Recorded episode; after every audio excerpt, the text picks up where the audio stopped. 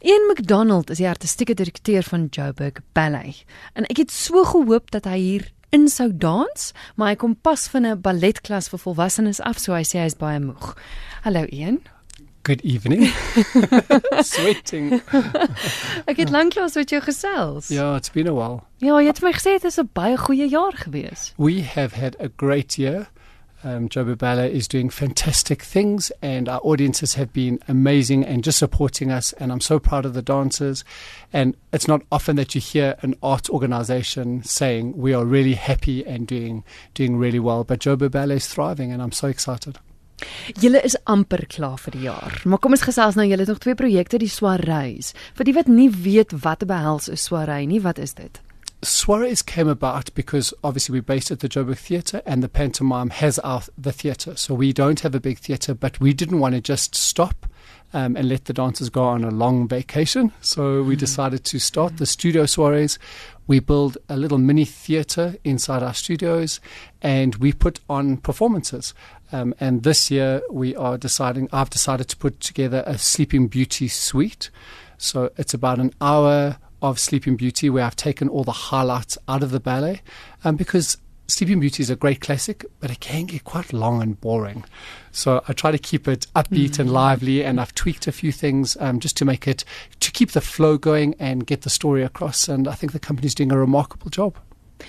Dis my baie intiem die soirees want nie net is dit 'n kleiner spasie nie maar ja. maar mense kan ook sien waar jy sweet Absolutely. In yeah. fact, you could feel the sweat every now and then. Falling onto it's not it's not that close, but the intimacy really adds a different dimension to it.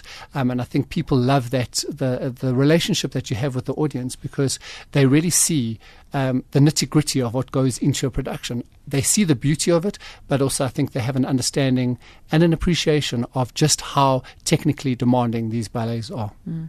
Nou die aard van die saak omdat dit kleiner is, is daar beperkte sitplekke. Wanneer is vanjaar se soirees? So we open our first one on the 25th and 26th of November and then we do the following weekend only on the 3rd, the Sunday, the 3rd of December. So we only actually have three performances, um, and the tickets are selling quite quickly. So if you are wanting to come and share some time with Joburg Ballet, um, you need to need to book quite quickly because they're selling out.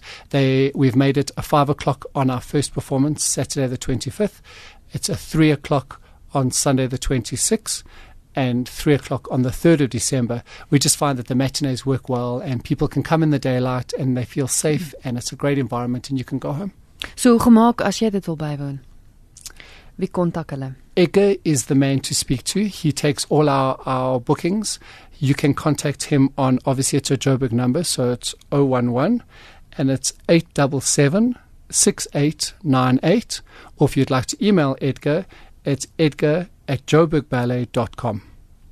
En dan net voor jy gaan rus, het jy 'n somerskool. Dis van die 6de tot die 10de Desember, maar vir wie is dit?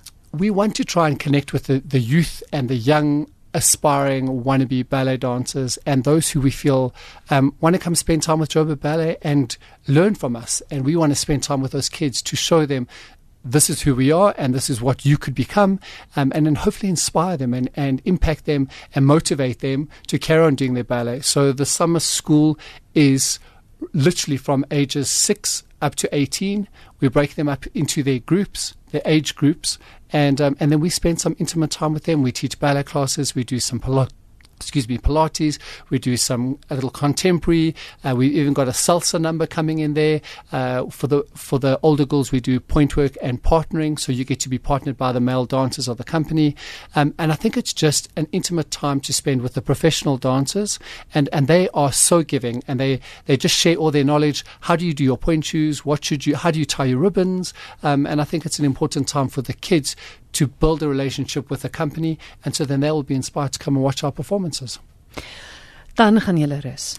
Then we are finally on holiday. The 10th of December is our last day, and the company then goes on a well deserved break over Christmas, and we come back on the 7th of January. And um, we start the new year with a bang. Uh, we are doing the performances with Richard Cock, the Viennese Ball at the Linder Auditorium as our first gig. And then our first season is Carmen of next year. So we're very excited about that. We haven't done Carmen for a while. Veronica Paeper will be working with the company and reproducing the production. But it's a lively, energetic, um, sexy ballet, and I think the company is going to do that extremely well. Maar dit is seker ongelooflik belangrik juis om die rustyd nou te hê, omdat jy so fisies werk. Ek meen, jy werk met jou lywe elke yeah. dag. It's Ja. it's so important that the company has this a consecutive four weeks um, because they really have injuries. And you know there's there's some of them that are bordering on stress fractures and a stress fracture takes a minimum of six weeks to heal. So it's really a time where they go away and also for their mind.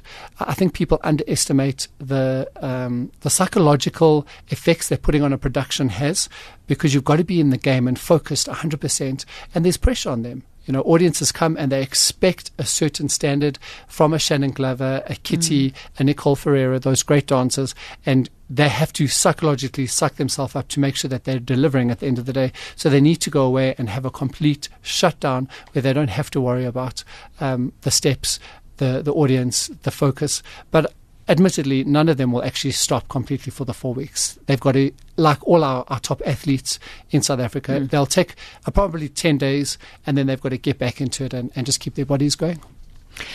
Wel baie dankie vir die wonderlike jaar wat julle vir ons gegee het julle ballet lewendig hou hier in Johannesburg en lekker rus. Thank you so much. It's always a pleasure talking to you and just to wish you a happy and festive season. It seems a bit strange, but Mm. thank you so much for all your support as well.